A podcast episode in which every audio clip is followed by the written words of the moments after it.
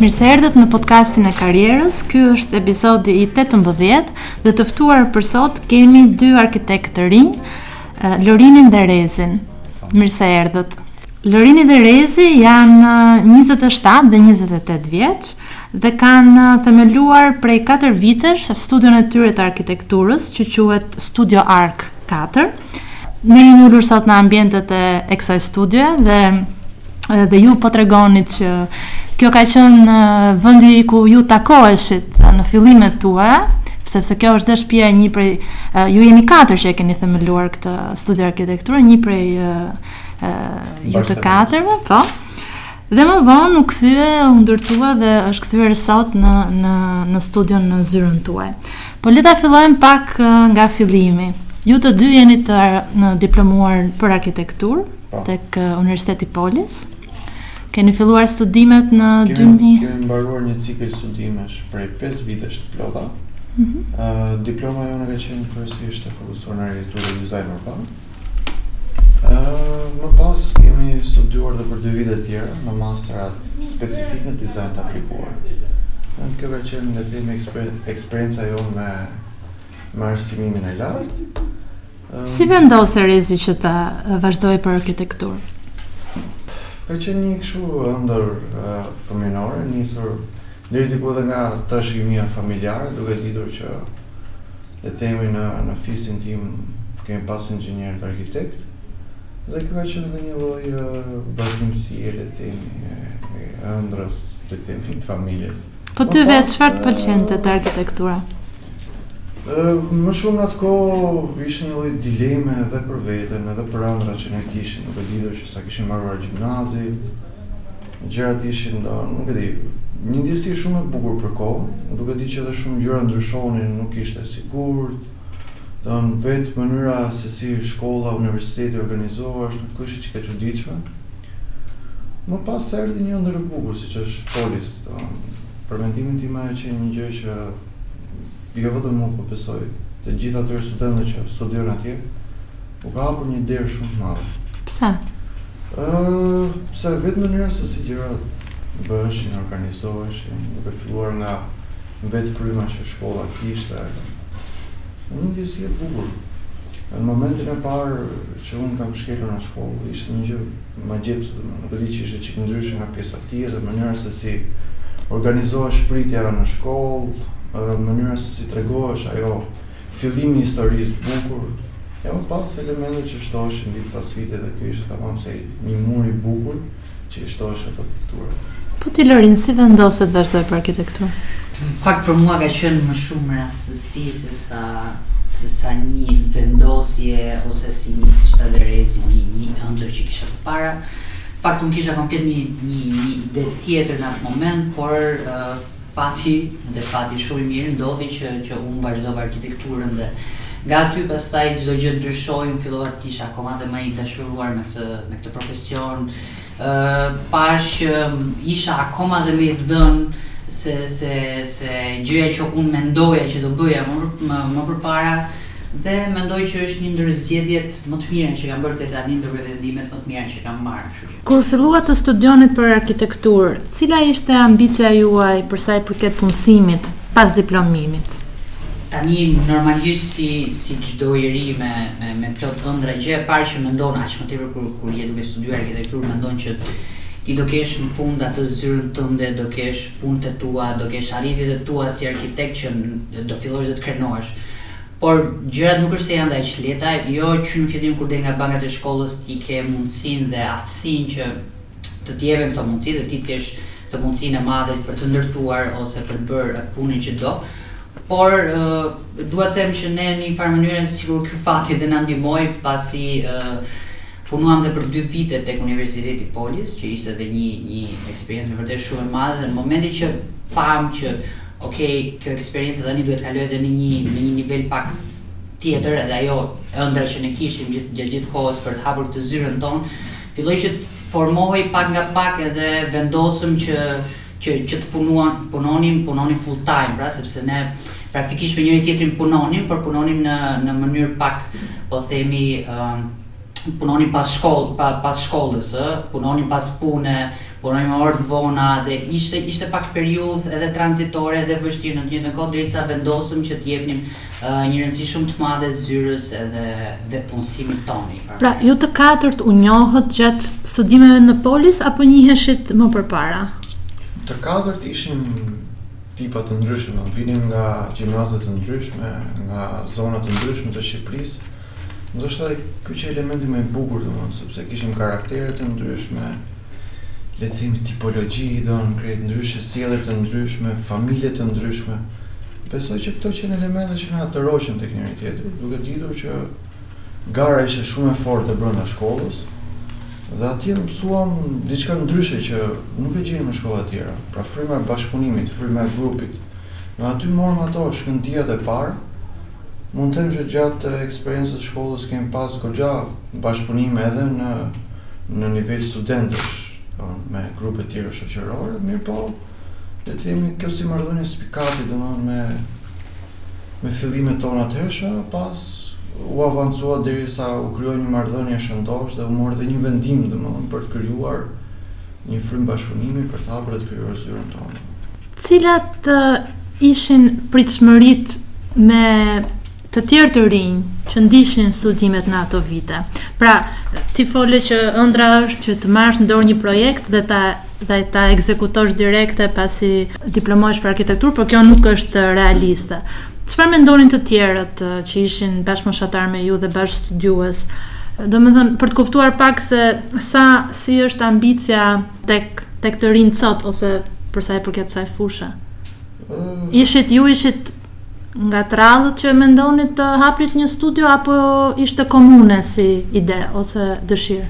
Fakti që ka dhe grupime të tjera, po, midis kryesisht brezit tonë, tregon që ka qenë një grup Goxha i mirë të studentësh, të cilët brenda tyre kishin një ego, një farë, nuk e di, një zjarri të brendshëm që kërkonte të dilte në sipërfaqe. Mirëpo në fillim ishte pak e vështirë për ta gjetur domethënë si element, sepse duke ditur që gjithmonë fillimi është dhe pak Kështu që hutohesh sa të kuptosh mirë procesin, me kalimin e viteve fillojnë dhe spikasin talentet, njerëzit që kanë dëshirë për të punuar, shfaqin një ego personale dhe pastaj kjo ego personale ti kupton domethënë vërtet që këta mund të jenë bashkëpunëtorët e tu në të ardhmen. Por në fillim është pak e vështirë domethënë për të spikatur.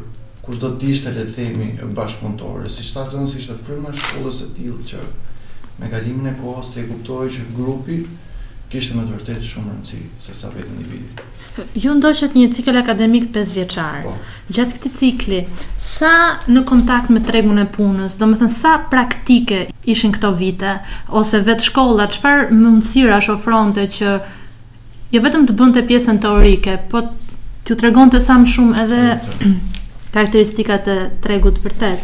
Në fakt, tani jo, jo vetëm universitetin ku ne, ne studiuam, po edhe universitetet tjerë, mendoj se të, të, të përballin pak me këtë realitetin tonë shqiptar është pak e vështirë.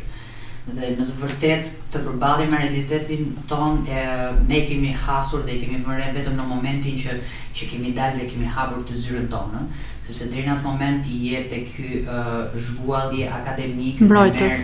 Po, ke ky zhgualli mbrojtës që mundohesh që çdo gjë ta mbash sigurt këtu është pjesa ku ti do mësosh më shumë, do do zhvillosh projektet, po ndërkohë është komplet e kundërta dhe është komplet gjë tjetër në momentin që ti hasesh dhe përballesh, sepse të përballesh me njerëz të ndryshëm, përballesh me klasa të ndryshme, përballesh me investitorë të ndryshëm që kanë qëllime të ndryshme dhe jo gjithmonë këto përputhen ose janë në të njëjtin drejtim me me konceptin tënd të të zhvilluarit arkitekturë ose të të bërit një projekt ë dhe këtu është vështirësia e parë mendoj unë që ka një arkitekt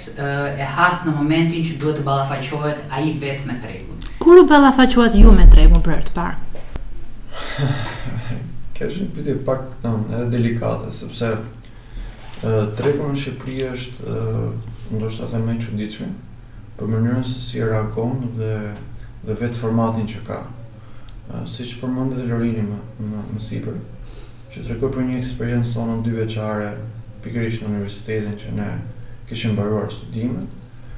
Ju atje ishit të punësuar si si arkitekt dhe si asistent pedagog, domethënë ky ka qenë roli jonë më parë.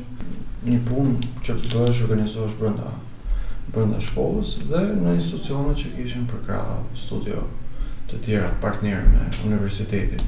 Mirëpo, përballja me tregun ishte momenti kur ne le të themi formëzuam studion tonë dhe ky ishte momenti që duhesh menaxhuar gjithë situata, pra duke filluar që nga sigurimi i ambientit, mm -hmm. pra krijimi i vendit të punës dhe Edhe ideve të para, pra si do funksionojë, çfarë, le të themi, filozofie do ndjekim, sepse është shumë e vështirë për ta kapur pikërisht në tregun tonë. Vështirësitë qëndrojnë kryesisht sepse nuk ka një rrymë të drejtë, një gjë të qartë që ne duhet të ndjekim, për vetë faktin që edhe arkitektura shqiptare ka momente edhe të forta, por ka edhe shumë pika të dobëta, domethënë. Dhe mendoj që mbas viteve nëntëdhjetë erdhi një lloj Shkatërrimi i këtij lloj sistemi dhe njerëzit gjithmonë tentonin të ngrinin disa vlera dhe ne mendojmë që ka ardhur momenti që të vendosim disa piketa, le të themi, për sa i përket rrymave, stileve të arkitekturës në Shqipëri.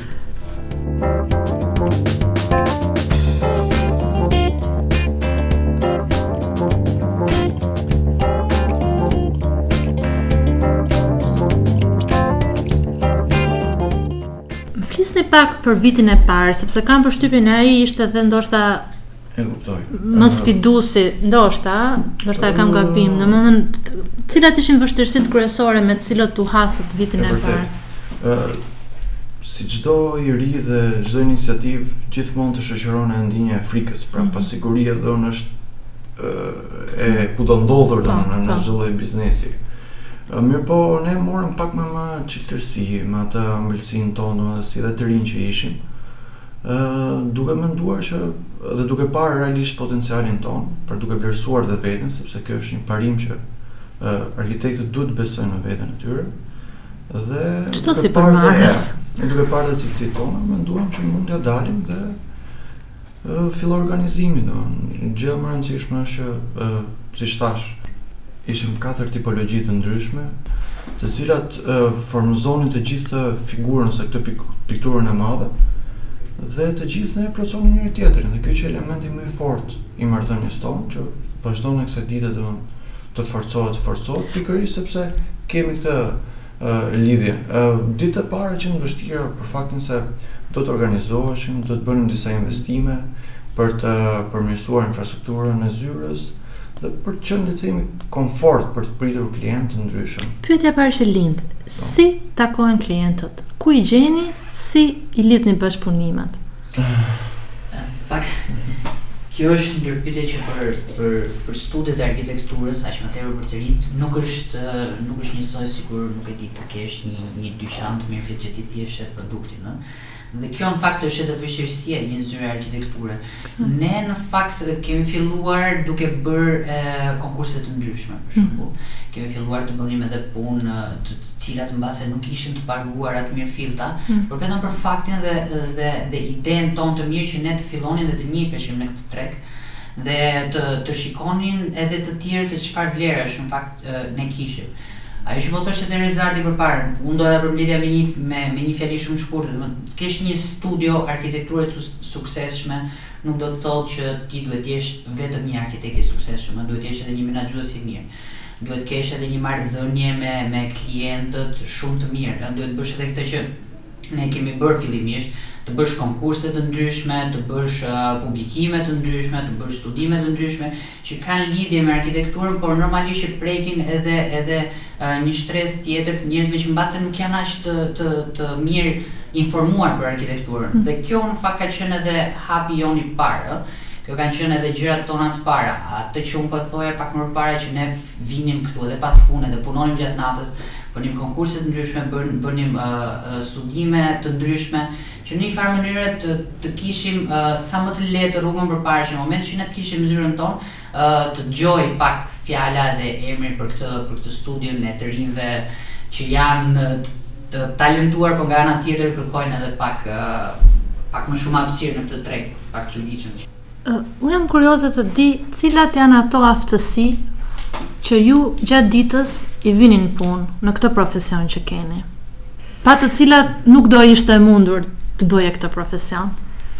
Ë, uh, e kuptoj kjo në fakt. Ana teknike është një, se po, këtë mund ta kuptojnë të gjithë, po janë dhe këto aftësitë e tjera që ti përmende, që sa e rëndësishme është të dish të komunikosh me klientin. E kuptoj. Ë, uh, Atë që po thoshe dhe Rezarti në fakt ne jemi shumë tipa të ndryshëm ë njëri nga ne është më tekniku tjetri është më vizionari tjetri është menaxhuesi njëri është marrëdhënia që krijon me klientin ajo afërsia dhe mendoj që të paktën në në studion tonë ose në në në arkitekturë e rëndësishme është që ti të krijosh atë sinergjinë që gjithsecili të ketë po themi gjënë plus që që tjetri nuk e ka. Dhe në këtë rast ne mendojmë që e kemi arritur deri diku, pavarësisht që kjo duhet avancuar dhe duhet në një farë mënyre të çohet në një nivel tjetër më të më të madh, që ne fillojmë e fillojmë për shembull një projekt duke në fillim duke studiuar kë kemi përballë, kush është klienti, ëh, duke i bërë një intervistë, duke bërë duke bërë një marrëdhënie që të kuptojmë ai çfarë do nga ne dhe ne çfarë do t'i ofrojmë atij. Kjo është kjo është thelbësore dhe shumë e rëndësishme. me të paktën në në rolin e arkitektit, të kuptojë mirë kush është klienti, më pas të kuptojë dhe kush janë qëllimet e tij, ëh, për çfarë kërkon ky që ta ta ta ndërtojë ose të bëjë këtë investim. Dhe më pas vijnë një nga një të gjithë elementët që janë menaxhimi i mirë i i punimeve, është po themi rezultati në fund që do jetë njëkohësisht i kënaqshëm dhe dhe shumë i suksesshëm për arkitektin, por njëkohësisht edhe për për klientin vetë. Domethënë këto janë disa nga elementet ë, por këtu pastaj mund të përmend pafund, nuk e di ë, po themi ë, research-in që ne bëjmë për të dalë në fund që shiko ky objekt ose kjo, ky përfundim që ne dalim nuk është një përfundim i ë, i thjeshtë i mendimit tonë, por ka një ka një kërkim nga mbrapa dhe ka një thellim akoma më të gjerë për këtë punë. Ma merr mendja që ju bashkëpunoni dhe me disa jo vetëm klientë, por bashkëpunëtorë, pra për të kryer një shërbim të caktuar kundrejt një klienti, ju duhet që disa shërbime t'i outsource-oni apo i keni domethënë doja të pyesja më shumë Se si i zgjidhni bashkëpunëtorët tuaj dhe dhe partneritetet e ndryshme që lidhni. Keni treguar që jeni të suksesshëm, ndërtoni një partneritet shumë të shëndoshë midis ju, juve të katërt për të ndërtuar këtë studio, po ma merr mendja që partneritetet pafund të cilat duhen lidhur në këtë punë dhe njerëzit që nesër pas nesër ju mund të merrni në punë ose merrni në punë edhe sot, si e si i përzgjidhni? Kuptohet ka disa karakteristika që bëjnë të vendosësh mbi partneritetin. Po më shumë funksionon edhe në rastet e, le të themi, mënyrave të punës ose tipologjive të punës, duke nisur le të themi edhe nga konkurset, një fakt që ne e kemi parë si një alternativë shumë të mirë për të shfaqur veten dhe për të Ka të tilla në Shqipëri? konkursa. Platforma ku ju mund të tregon, ku arkitekt mund të tregon. Besoj se vitet e fundit ka pasur goxha lëvizje përtej zhurmës që bëhet kryesisht në media për për çdo lloj uh, marifetesh e këto të jonë, gjërat e ndryshme që mund të aludohen në media për konkurset, gjë, mendoj që është një hapësirë shumë e mirë, mm -hmm. uh, që të rinjtë të shprehin uh, idetë e tyre, të shprehin le të themi çdo uh, gjë që ata ndiejnë dhe lidhur edhe me zyrën tonë, me studion tonë, ne e shohim më shumë që Duhet të prekim disa gjëra që janë inovacion për për Shqipërinë.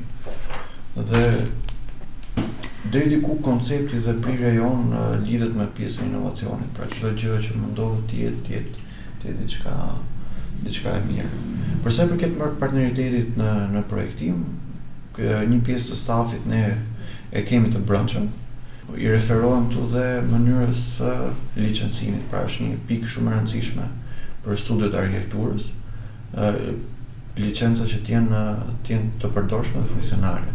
Pastaj në ka momente që kuptohet në varësi të situatave, kërkohen dhe dhe burime të tjera të jashtme, të cilat ne i vlerësojmë në bazë të eksperiencës dhe marrëdhënieve që kemi pasur edhe më herët me këta persona.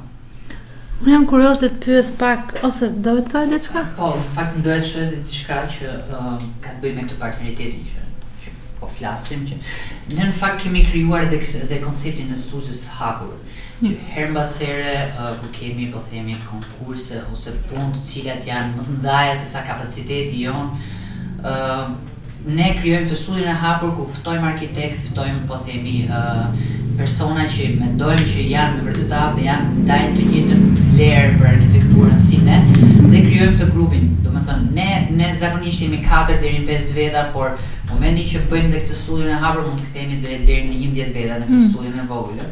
Gjë që është me të vërtetë shumë interesante dhe për bashkëpunëtorë ne kemi pasur uh, dhe bashkëpunëtorë të huaj për konkurse si Alejandro Zaera-Polo që është ndër arkitektët më të famshëm spanjoll, që me vërtet ne kur ishim studentë mundoheshim që t'i lexonim dhe t'i merrnim konceptet nëpër libra dhe duke studiuar dhe dhe momentin që patëm këtë marrëdhënie bashkëpunimi për për konkursin e Parkut të Liqenit dhe për Ishullin e Beratit ishte një eksperiencë shumë shumë interesante dhe mendoj që ishte ndër ato eksperiencat më të bukura që do më kujtohet edhe pas viteve si një gjë shumë shumë Shumë e bukur. Dhe kjo është mendoj edhe vlera tjetër që i shtohet zyrës si si koncept po themi, ajo që ne duam të të të bëjmë nuk është vetëm punojmë këtu brenda kësaj zyre, po ndërkohë edhe të hapemi ë, të hapemi dhe me bashkëpunëtorë dhe me njerëzit që që mendojmë që janë të aftë dhe ndajnë të njëjtin vizion si ne. Pyetja e fundit, se ne po i afrohemi fundit fatkeqësisht është për gjithë ata të rinj që na dëgjojnë, të cilët e kanë ëndërr të bëhen arkitektë. Ndoshta janë duke studiuar për arkitekturë. Ju që jeni sipërmarrës sot dhe po punoni si vetëpunësuar në këtë fushë, si dhe çfarë do i këshillonit atyre, duke hedhur sytë nga e ardhmja dhe duke njohur tregun në Shqipëri dhe mundësitë që janë këtu? Çfarë këshilla do i jepnit? Në fakt, për çdo njeri mendoj që duhet një formulë ndryshe nga një tjetër. Por që këshilla që do të jepja unë është që nuk duhet të heqin dorë dhe mendoj që vitet e para duhet pas pasi të diplomohen duhet të duhet të fillojnë dhe të konsolidohen si një arkitekt, jo domosdoshmërisht direkt duke hapur studion e tyre, po duke punuar edhe në vende të tjera, duke marrë eksperienca të ndryshme, duke u thelluar në një në një degë të veçantë të arkitekturës, ose duke duke parë se çfarë ndodh rreth e përqark, ë duke u përballur edhe me këtë ë me këtë tregun që që që ne diskutojmë dhe më pas duhet të gjejnë forcë që të bëjnë këtë hapin gjigant që nga një anë duket me vërtet shumë i vështirë po është është është një vijë shumë shumë e vogël që të bën nga nga sipërmarrës personal në nuk nuk e di në në një arkitekt që ti punon për një zyrë tjetër dhe mendoj që këtë hapin duhet ta bëjnë të gjithë ata që që besojnë tek forcat e tyre dhe tek pjesa e sipërmarrjes. Shumë faleminderit për për këto fjalë dhe faleminderit që uh, ndatë me ne disa disa nga nga ajo çfarë ju bëni. Uh, ne së bashku do të dëgjohemi sërish javën tjetër me një tjetër të ftuar.